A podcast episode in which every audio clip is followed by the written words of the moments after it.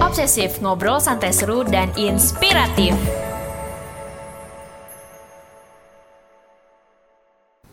Halo Sobat Kompas, kembali lagi bersama Ellen Bellion di Obsesif Persembahan Kompas Corner Universitas Multimedia Nusantara. Gimana nih liburannya kemarin? Pasti seru dong ya ngumpul lagi bareng keluarga dan teman-teman deket kalian ya enggak? Semoga tali silaturahmi dengan kerabat semakin erat ya di tahun ini. Nah, sebelum dengerin episode kali ini, aku ingin sedikit berbagi kebahagiaan dengan kalian nih. Gak kerasa Kompas Corner UMN sudah memasuki usia yang ke-6 tahun di tanggal 2 Mei 2019 kemarin. Nah, untuk ngerayainnya, diadakanlah conference talk dan juga talk show berjudul From Me to Me, A Message for a Better Self Tahun ini, Kompas Corner UMN mengangkat tema tersebut untuk membantu membangun awareness tentang betapa pentingnya sih kita belajar untuk mencintai diri sendiri demi kesehatan mental kita nih Sobat Kompas. So, buat kamu yang belum sempat nonton langsung acara kemarin, jangan kecewa dulu. Karena di episode obsesif kali ini, kalian bakal dengerin obrolan bersama dengan salah satu pembicaranya, yakni Mas Henry Manampiring. And of course, there will be another two episodes coming up in the next weeks in relation to the event. So, don't miss it. Kalau kalian pernah membaca buku national bestseller berjudul Filosofi Teras, tentu udah gak asing lagi sih sama yang namanya Mas Henry Manampiring atau yang populer dipanggil Om Piring ini. Yup, beliau adalah penulis buku Filosofi Teras yang mengedukasi pembacanya tentang ilmu filsafat stoa yang berperan meningkatkan ketangguhan mental dalam menghadapi roller coaster kehidupan kita. So, Mas Henry yang memiliki latar belakang profesional di advertising agency ini juga sangat aktif loh di sosial media, terutama di akun Twitternya di @newsplatter. So, go check it out. Terus, kenapa sih kok Kompas Corner mengangkat topik seputar kesehatan mental? Dikutip dari berbagai pemberitaan di harian Kompas Medio 2018-2019 lalu nih, dijelaskan bahwa meski akses informasi saat ini gampang banget, tapi pengetahuan masyarakat mengenai kesehatan mental belum maksimal loh. Dampaknya? Well, masyarakat jadi clueless bagaimana sih mencari penanganan yang tepat saat mereka berada di titik terendah dalam hidup mereka. Di era sosmed seperti sekarang ini, generasi milenial justru semakin rentan mengalami gangguan kesehatan mental. Misalnya nih, komentar netizen julid malah dibaperin banget dan ekstrimnya malah dijadikan salah satu tolak ukur prestasi bagi mereka. Belum lagi nih ya jumlah likes yang kayak kok dikit ya, kok kayaknya gue gak disukain orang deh atau gue gak diperhatiin orang deh. Nah, gak heran kalau banyak dialog-dialog mulai bermunculan dengan menyalahkan diri sendiri yang justru akhirnya dapat memicu stres. Nah, lalu bagaimana sih kita harus bersikap dalam meredam pemikiran-pemikiran negatif tersebut? Penerapan ilmu stoicisme atau filosofi teras ini bisa membantu mengatasinya nggak ya? Hal ini akan dibahas lebih dalam melalui percakapan Mbak Suliana Andiko as our producer bersama dengan Mas Henry Manempiring. So, stay tune terus di Obsesif. Oke, selamat datang pendengar Obsesif. Kali ini uh, with your host Suliana Andiko. You can call me Suli. Uh, gue akan wawancara Mas Henry Manampiring. Dia baru aja menyelesaikan sesinya di conference talk dalam rangka HUT Kompas Corner ke-6 tadi uh, dia akan ngomong soal stoicism for your peace of mind.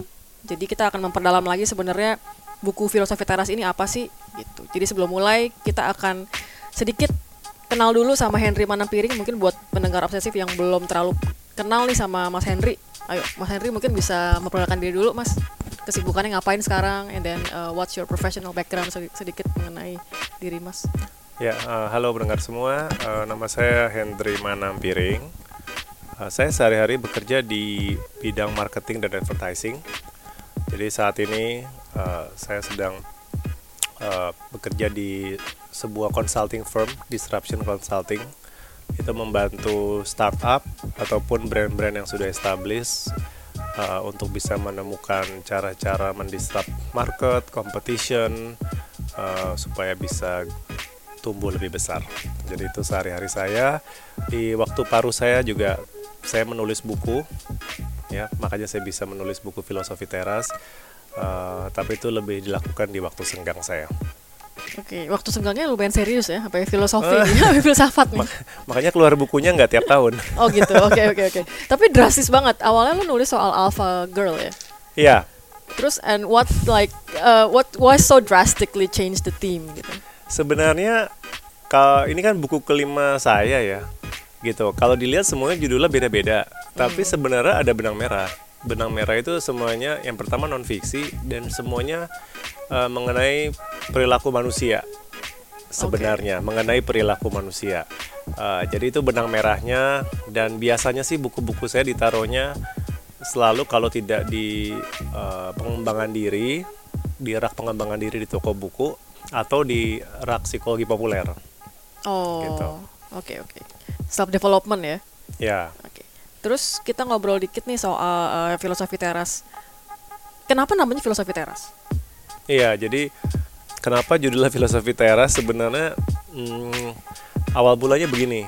Ini kan topik filsafat yang saya pilih ini filsafat stoicisme, gitu. Nah, waktu saya di awal-awal penulisan buku, kalau saya ngobrol sama teman atau keluarga lagi nulis tentang apa, lagi nulis tentang stoicisme nih, lagi nulis tentang stoa, apa? Gitu. Itu pasti kata yang sangat asing gitu dan diucapkan di lidah kita itu eh, susah gitu. Jadi saya pikir gimana nih ya supaya pengucapannya lebih gampang. Nah, ternyata eh, kata stoa dalam bahasa Yunaninya itu artinya eh, atau lengkapnya stoa poikile itu artinya eh, teras. Teras yang bergambar, painted porch gitu. Jadi filsafat stoicisme ini mendapatkan namanya karena pada awalnya para filsuf dan murid-muridnya ini kalau ngobrol, kalau berkumpul itu di teras, di teras di sebuah bangunan di area yang kita bisa sebut alun-alunnya Athena zaman dulu. Kita bicara 200-300 tahun sebelum Masehi.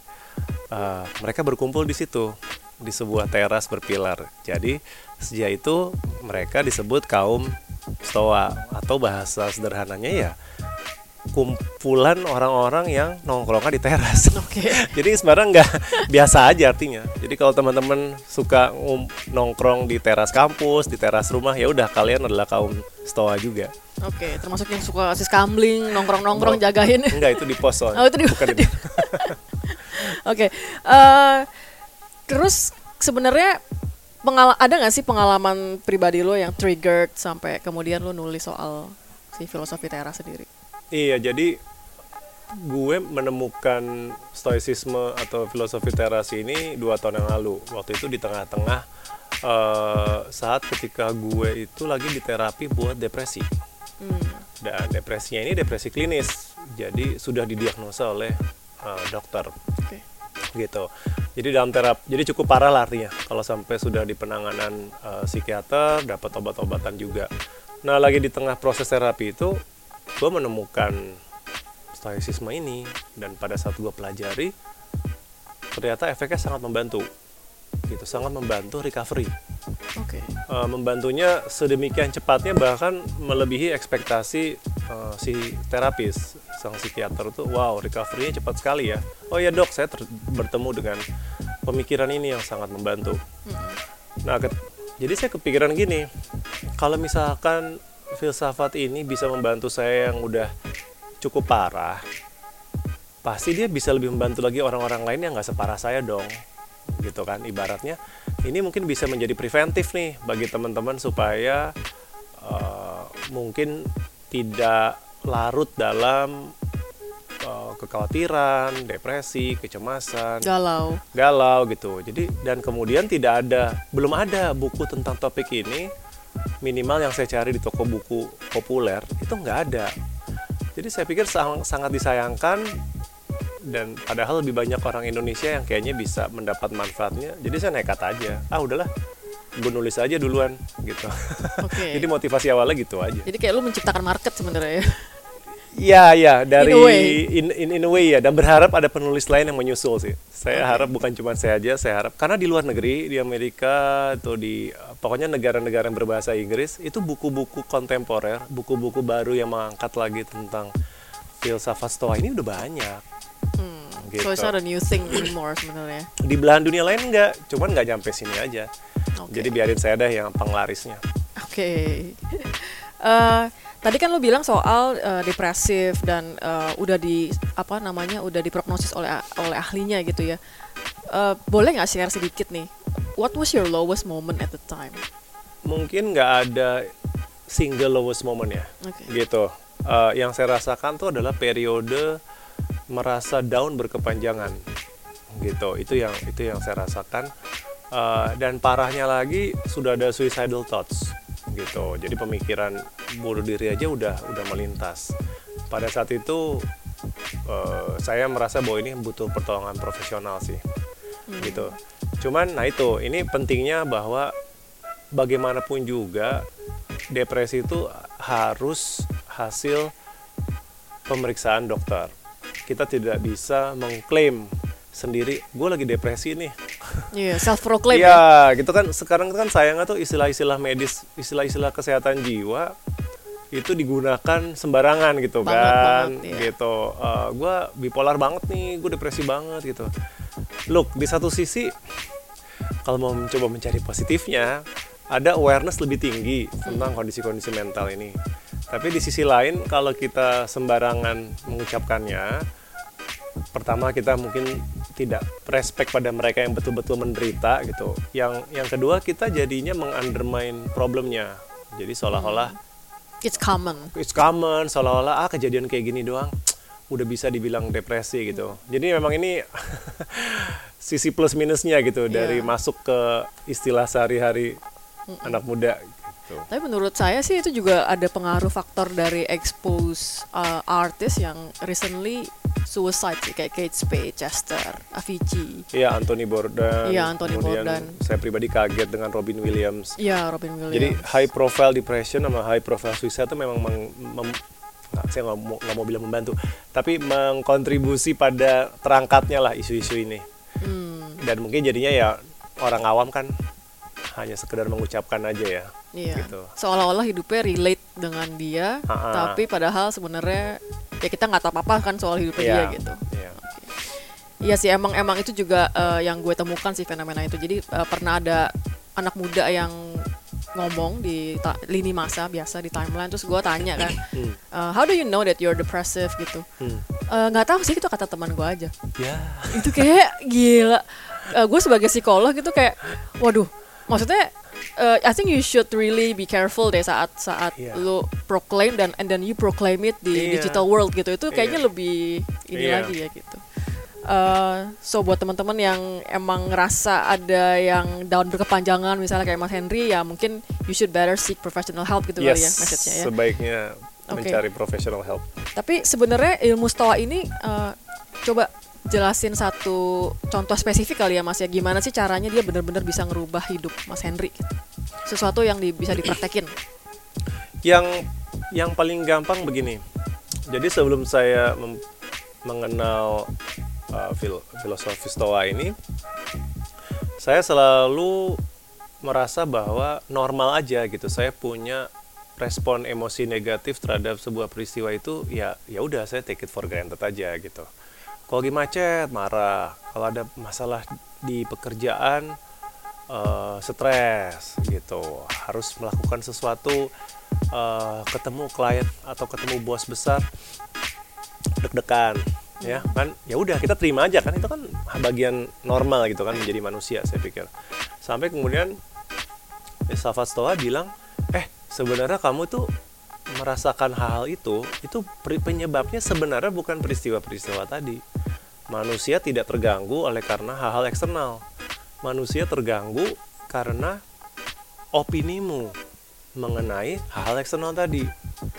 Gitu. Jadi dan itu membuat saya cukup tertegun ya dalam pengertian oh jadi kalau saya kalau saya marah karena macet sebenarnya bukan macetnya penyebabnya. Macetnya itu biasa aja lah sebuah fenomena biasa. Tapi apa opini saya atas macet? Gitu kalau saya misalkan disuruh eh, ketemu bos besar deg-degan gitu. Kalau menurut orang tua bukan bos besar yang bikin kamu deg-degan. Kamu punya pemikiran apa tentang bos besar ini? Opini kamu tentang apa? Itu yang menyebabkan kamu deg-degan. Jadi sekarang kalau setiap kali saya mendeteksi ada eh gue kenapa nih ya? Cemas. Gue kenapa nih ya? Khawatir. Kalau dulu kan kita terima aja tuh saya terima aja. Ya udah deh gitu. Emang ini kondisi saya. Sekarang saya ngulik nguliknya ke dalam gitu. Apalagi lu introvert ya. iya itu agak Jadi membantu. makin, iya, membantu. Ah, jadi wait gue ngerasa ini ini pasti ada pemikiran gue sendiri deh yang menyebabkannya gue ambil contoh yang konkret lah. Satu hari gue disuruh bos gue buat jadi moderator di acara gede gitu ya. Ada talk show panel ada sebuah panel saya harus jadi diminta jadi moderator yang datang 300 orang. Hmm. biasanya insting pertama saya, saya langsung nolak karena saya tidak suka sama public speaking. Oke. gitu. Cuman karena sudah mempraktekkan itu saya nggak langsung nolak. Saya mikir ntar ini gue jiper kenapa ya? Terus gue pikir gue tahu nih gue takutnya bukan karena menjadi moderator dan di depan umumnya tapi gue takut salah. Gue takut mempermalukan diri sendiri. Hal-hal yang irasional dan belum kejadian gitu. Gue takut gue nggak cukup kompeten padahal itu belum uh, subjektif ya karena kan saya diminta sama bos karena dianggap mampu gitu. Iya. jadi benar kata kaum stoa itu bukan diminta jadi pembicaranya yang bikin kamu deg-degan. Tapi segala macam persepsi pikiran praduga suzon kamu tentang menjadi pembicara itu yang bikin kamu stres sendiri. Iya sih. habis itu saya iya karena gue belum tentu juga salah. Gue kan belum tentu juga ngaco. Belum tentu juga gue diketawain sama orang-orang ya udah deh gue coba aja gitu. So what? Gitu. Yang penting gue berusaha sebaiknya ya udahlah nanti lihat gitu kalau emang nggak oke ya nggak oke. Iya dan ternyata berjalan lancar gitu. Jadi itu contoh praktik uh, fil- filosofi stoa itu mengatasi kecemasan. Salah satu prak- uh, manfaatnya. Ya bahwa dia undang pembicara itu sebenarnya mereka percaya sama kompetensi lo ya. Tapi lu malah menganggapnya waduh gue azab nih. diundang kompet diundang jadi Iya, pembicara. atau, ya, atau gue akan dipermalukan nih gitu nggak membantu kan Iya itu yang datang pikiran-pikirannya sendiri peristiwanya tugasnya sih biasa aja Iya. gitu Oke. Dan uh, you mention in your book kalau stoicism itu juga sebenarnya adalah filsafat kepemimpinan. Mm-mm. Uh, bisa nggak sih lo jelasin lebih lanjut? jadi kepemimpinan di sini tidak diartikan sebagai memimpin banyak orang gitu ya memimpin kepanitiaan atau kabinet ya bisa ke arah situ. Tapi ini lebih dimaksudkan sebagai kepemimpinan atas diri sendiri. Hmm. gitu. Karena filosofi stoa ini sangat menekankan take control of your thought. Basically take leadership of yourself kan? Ya. gitu. Ketika kita sedikit-sedikit emosi kita ditentukan oleh peristiwa eksternal sebenarnya kan kita losing leadership of ourselves. Gitu baca berita stres. Baper. Nah, baper. Berarti sebenarnya berita itu yang sudah memimpin kita. Hmm. berurusan sama orang di jalan marah-marah. Berarti orang di jalan itu yang sudah memimpin kita.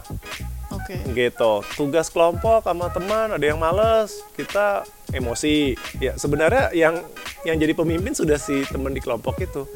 Gitu. Karena emosi kita ngikut apa yang mereka lakukan nah, kata orang stoa ya you reclaim leadership alpha of ya? yourself Oh. Mm-mm, of yourself dulu Hmm. gitu Oke.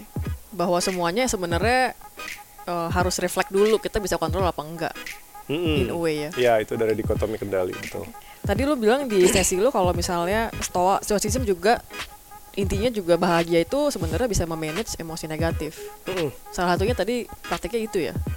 Iya, jadi memang ini menarik ya kalau kita datang ke toko buku, kalau kita ngelihat rak pengembangan diri atau psikologi populer, kan banyak sekali tuh buku-buku yang menjanjikan eh, kebahagiaan gitu kan, sukacita, bagaimana merasakan happy dan lain-lain.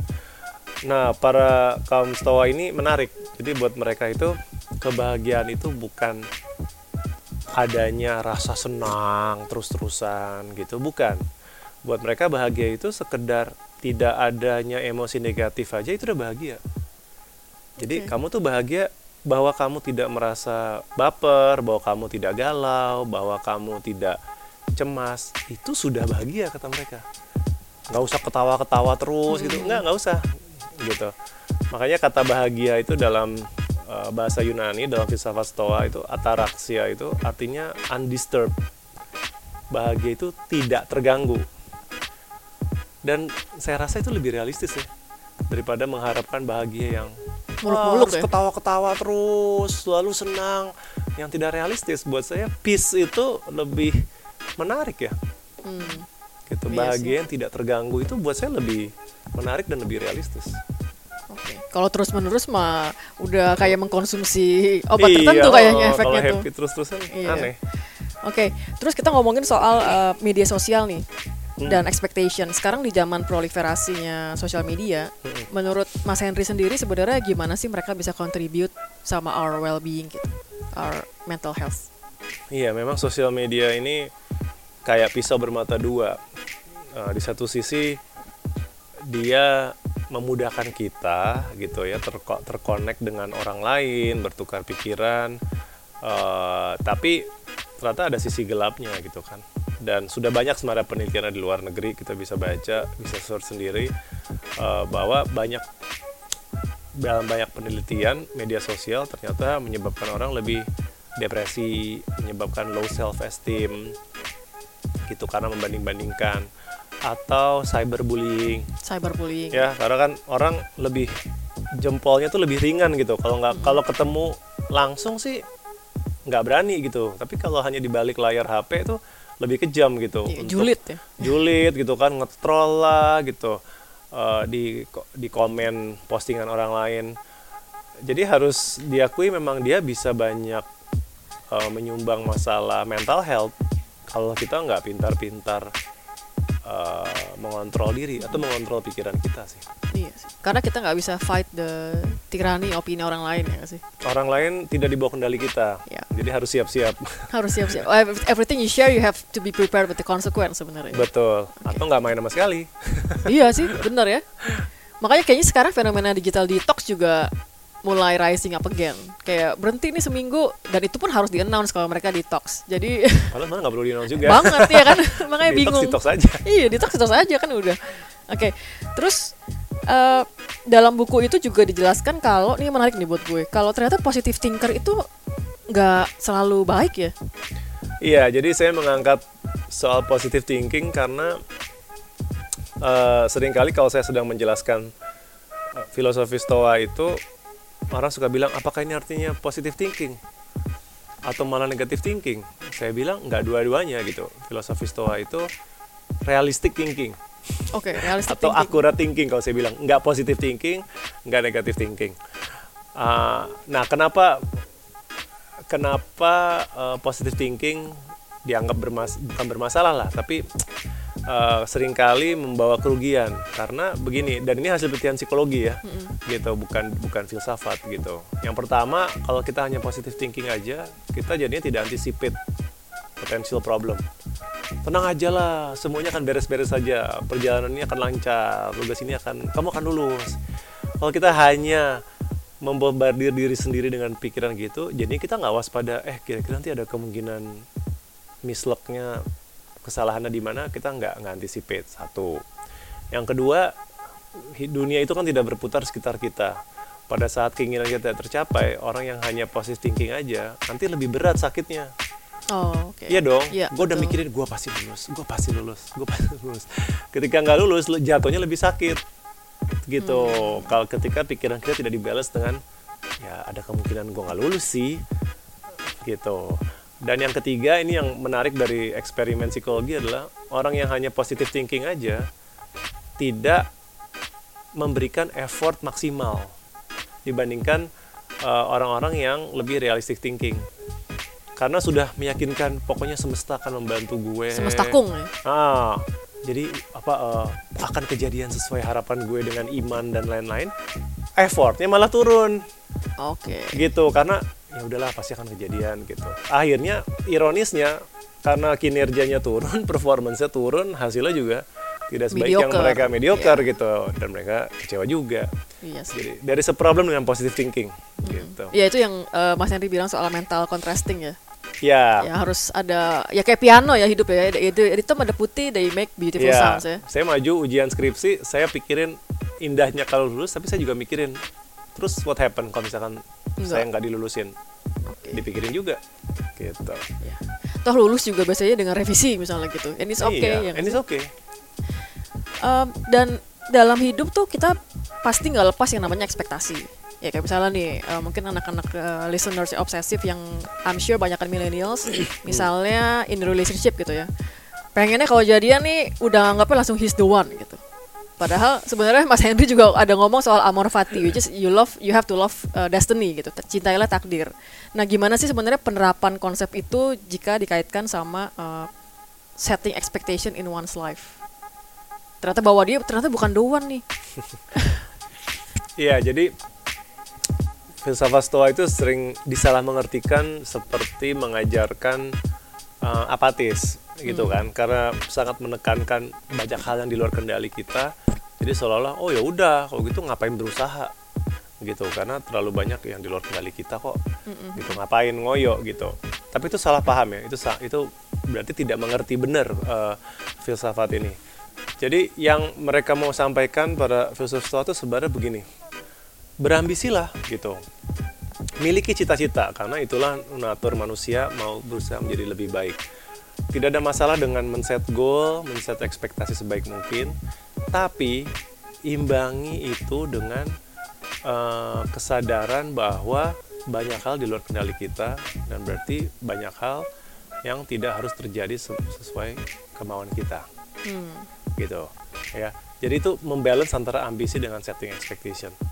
Nah, di mana konsep amor fati masuk?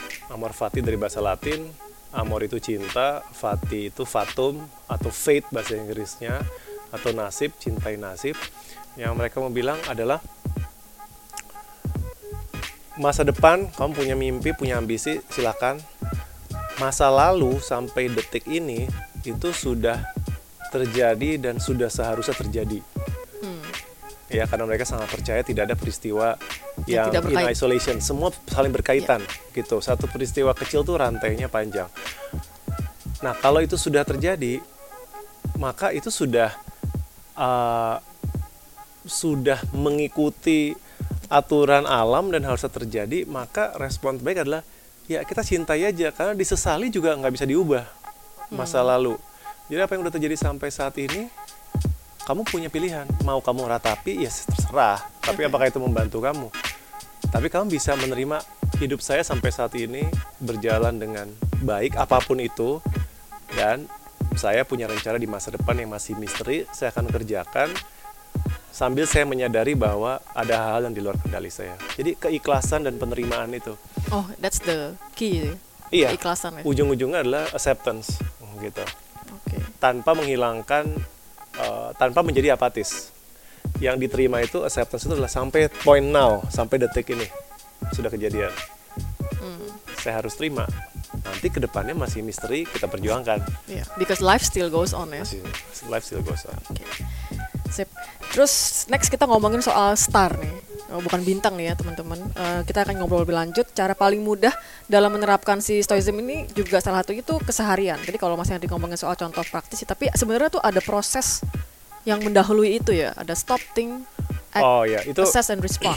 Itu tips saja sih. Itu okay. practical tips. Itu sebenarnya star itu saya yang uh, sebut gitu ya bukan dari uh, bukan dari filsafat aslinya tapi saya jadikan langkah-langkah sederhana STAR uh, stop think and assess and respond. Ya jadi berhenti pikirkan dan evaluasi baru berespon. Cara memakainya gimana? Yang tadi saya bilang ketika kita mendeteksi ada emosi negatif gitu kan.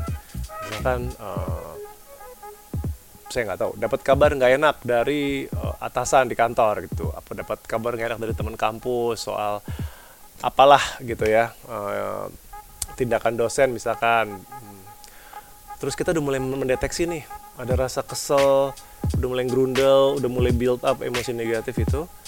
Kalau kita aware nah kita melakukan STAR itu STAR itu. S itu tuh kayak time out basically wait wait wait. Gue udah mulai kesel nih kamu ngomong gitu aja dialog diri sendiri sebentar sebentar gue mengeknowledge nih gue lagi ada rasa nggak enak itu tuh udah lumayan loh karena biasanya kita kebablasan kan ya. kita kesel kesel aja gitu langsung bablas marah marah ya, sedih sedih ya. gitu langsung ya. langsung berhenti kita harus ada mental disiplin untuk acknowledge dan conscious of our feeling oke okay, gue udah mulai marah Nah, stop. Ada mental stop. Habis itu TNA, think and assess. Itu mulai pikirin, kenapa ya gue marah ya? Gitu. Sebenarnya apa sih eh, pikiran-pikiran gue tentang peristiwa ini yang bikin gue marah gitu? Misalkan eh, udah datang ke kampus, eh, kuliah di cancel, misalkan saya asal ngomongnya di cancel, pas saya udah keburu datang jauh-jauh ke kampus, udah mulai ngamuk, pagi, Ah, ya. udah mau ngamuk kan? Coba dipikirin, lu keselnya kenapa ya? Karena kalau kata orang tua yang kes, yang bikin kamu kesel tuh bukan kuliah di cancelnya, bukan itu, tapi kamu ada pikiran dari diri kamu sendiri. Mungkin pikirannya dunia tidak adil gitu kan? Kata siapa dunia harus adil gitu. Iya. ya kan? Atau saya hanya buang-buang waktu aja lah. Kan bisa dipakai hal yang lain supaya ini nggak jadi buang-buang waktu sebenarnya gitu. Jadi eh, T dan A tinggal dan itu adalah evaluasi apa yang bikin gue kesel. Ketika kita ketemu penyebabnya, oh ini gue mengira buang-buang waktu, padahal nggak harus sih. Maka R-nya itu respon. Ya udah, kan lu udah tahu sekarang bahwa lu marah-marah karena lu pikir buang-buang waktu, padahal nggak harus buang-buang waktu. Lu bisa ngapain sekarang? Kayak sama teman, ada tugas yang lain yang bisa dilakukan, nggak tahu studi lagi, riset dan lain-lain. Ada banyak hal Take your mom shopping misalnya. langsung take your mom shopping. Poinnya adalah mm, mulai berani mengenali, menyadari emosi kita saat masih baru mulai mulai apa? Mulai tumbuh gitu. Emosi negatif itu mulai kita kenali. Karena saya rasa kita sebagian besar manusia itu ngikut aja. Ya kan? Marah diikutin, sedih diikutin, nggak pernah di challenge. Kita tuh nggak pernah men-challenge emosi kita sendiri.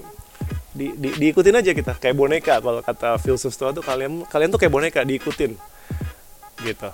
Dan apalagi kalau cewek-cewek ini suka berlindung di balik, gue gue lagi PMS, Bo. Iya, Jadi akhirnya Oke, gue langsung marahnya udah gue lagi PMS nih, mintanya di- selalu minta mengerti dimengerti. gue Iya, gitu. mengerti Gue kan lagi kondisinya gitu Nah itu penting tuh, penting buat nih, buat female listeners yang sering berlindung di balik, gue kan lagi PMS ya, nah itu mungkin harus coba di, pelan-pelan dipraktekin se- si star ini. Karena dari gue yang HRD nih, starnya juga menarik. Dulu Oh, iya? gue taunya ya situation, test, action, result. Oh. Itu how to interview the calon employee, employee lah. Gitu. Iya. Tapi dari lu, ya itu jadi me- membuat itu menjadi a whole new different level ya dari human resource menjadi human relation kalau menurut gue and human emotions. And human emotions ya good. Oke Eh, Mas Hendy boleh share nggak kira-kira satu kalimat dari ilmu stoa ini yang paling eh, catchy atau memorable buat lu tuh apa sih? Yang yang selalu teringat itu ini yang tadi itu.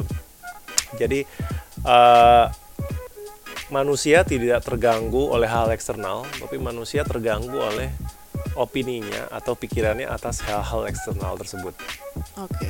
Itu kalimat itu sebuah revelation yang luar biasa gitu. Tapi juga menampar-nampar saya gitu. Oke. Luar biasanya karena wow gitu. Kita dibebaskan gitu. Kamu tuh nggak perlu lagi marah sedih karena baca berita politik karena kelakuan pacar kata-kata orang tua. Karena capres kalah gitu ya? Ah, capres kalah gitu kan. Keluarga nanya kapan kawin mulu. Kamu tuh tidak perlu sebenarnya kamu tidak perlu marah gundah galau karena itu gitu. Kamu tuh bukan terganggu karena itu tapi kamu terganggu oleh pikiranmu sendiri. Nah ini bagian yang nampar-namparnya.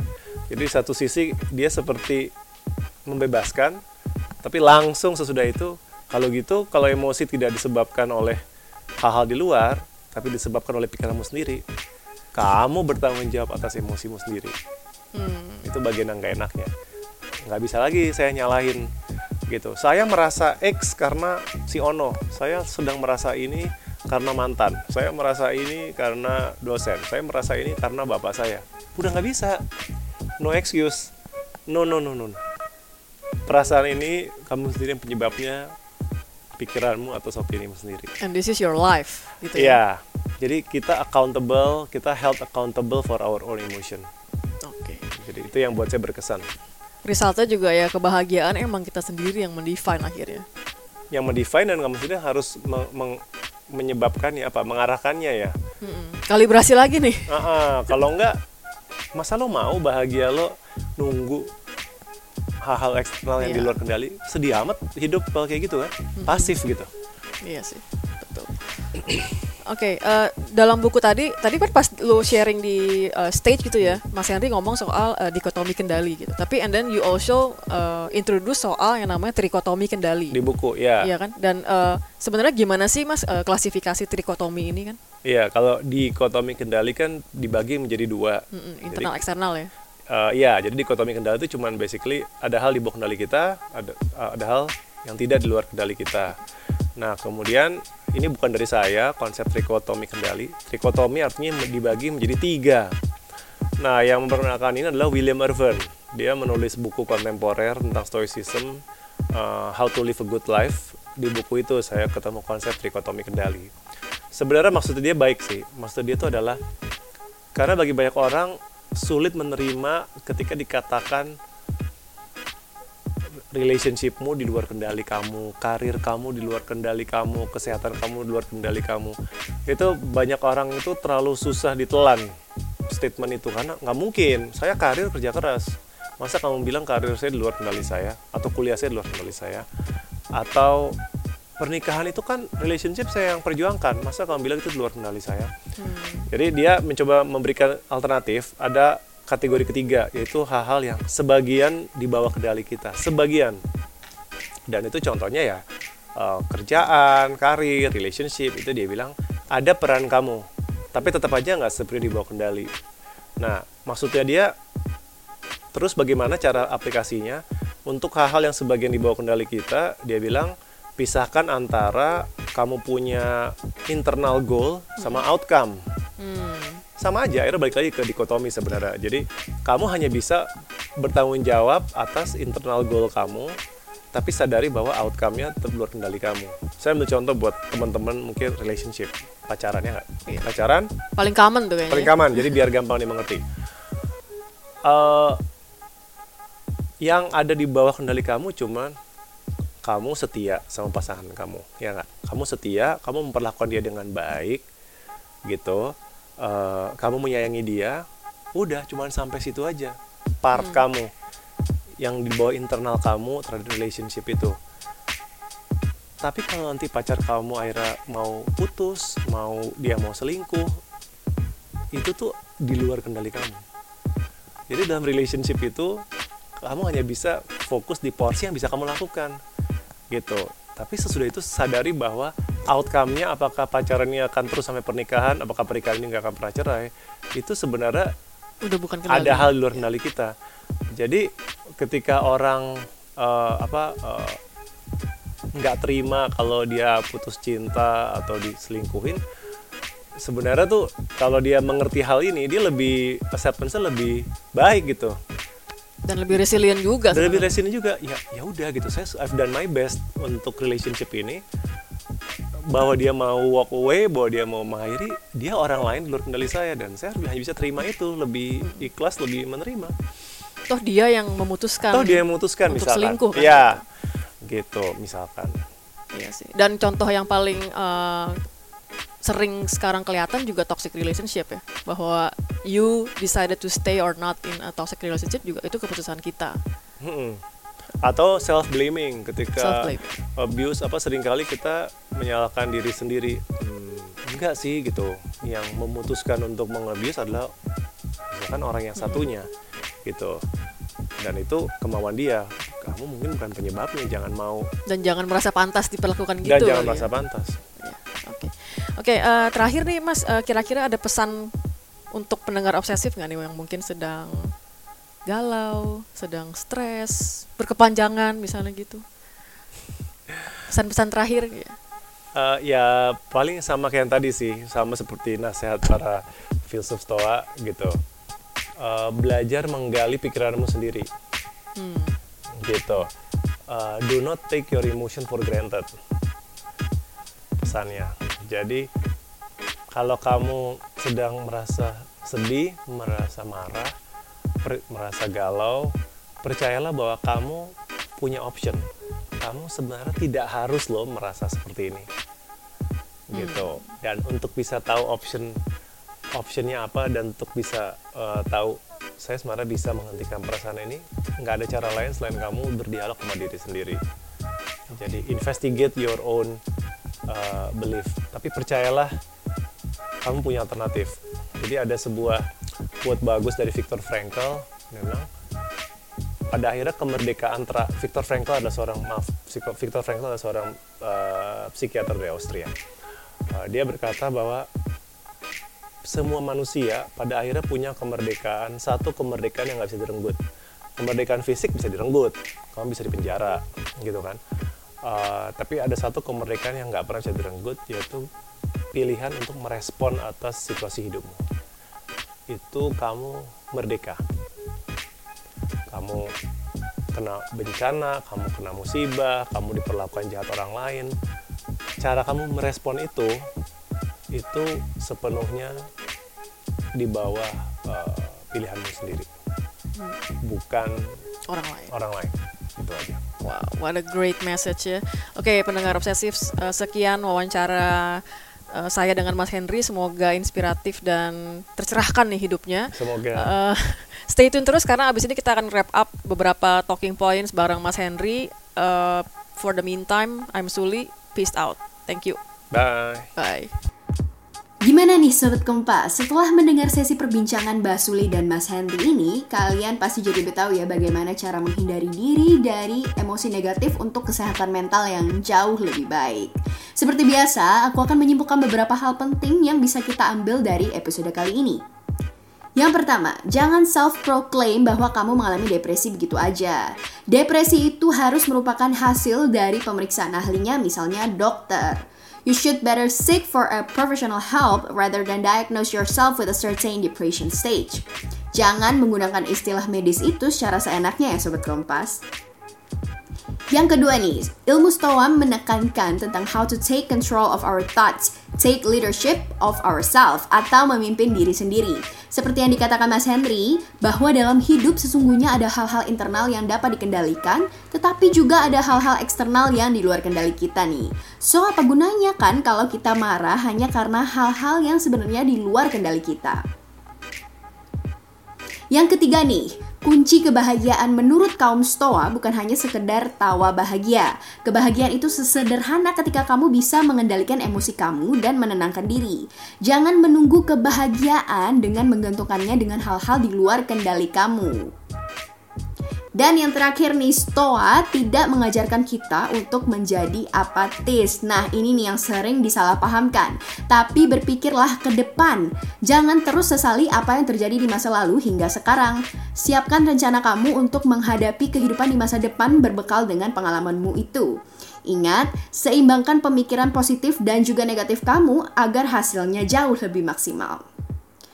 Buat kamu yang ingin mendalami ilmu filsafat Stoa Yunani ala Mas Henry ini, langsung aja beli buku Filosofi Teras di toko buku terdekat ya. Atau juga kamu bisa dapatkan buku ini di Gerai Kompas.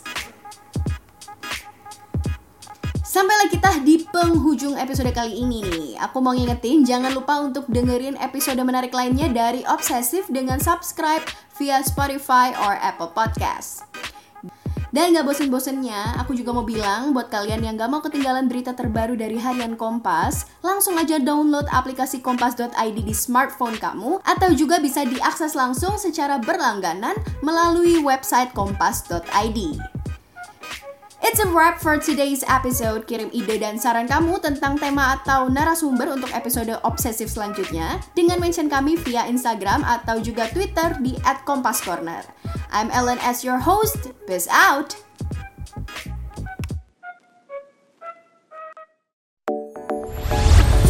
Thank you for listening to Obsessive Ngobrol Santai Seru dan Inspiratif. See you on our next episode. Bye-bye.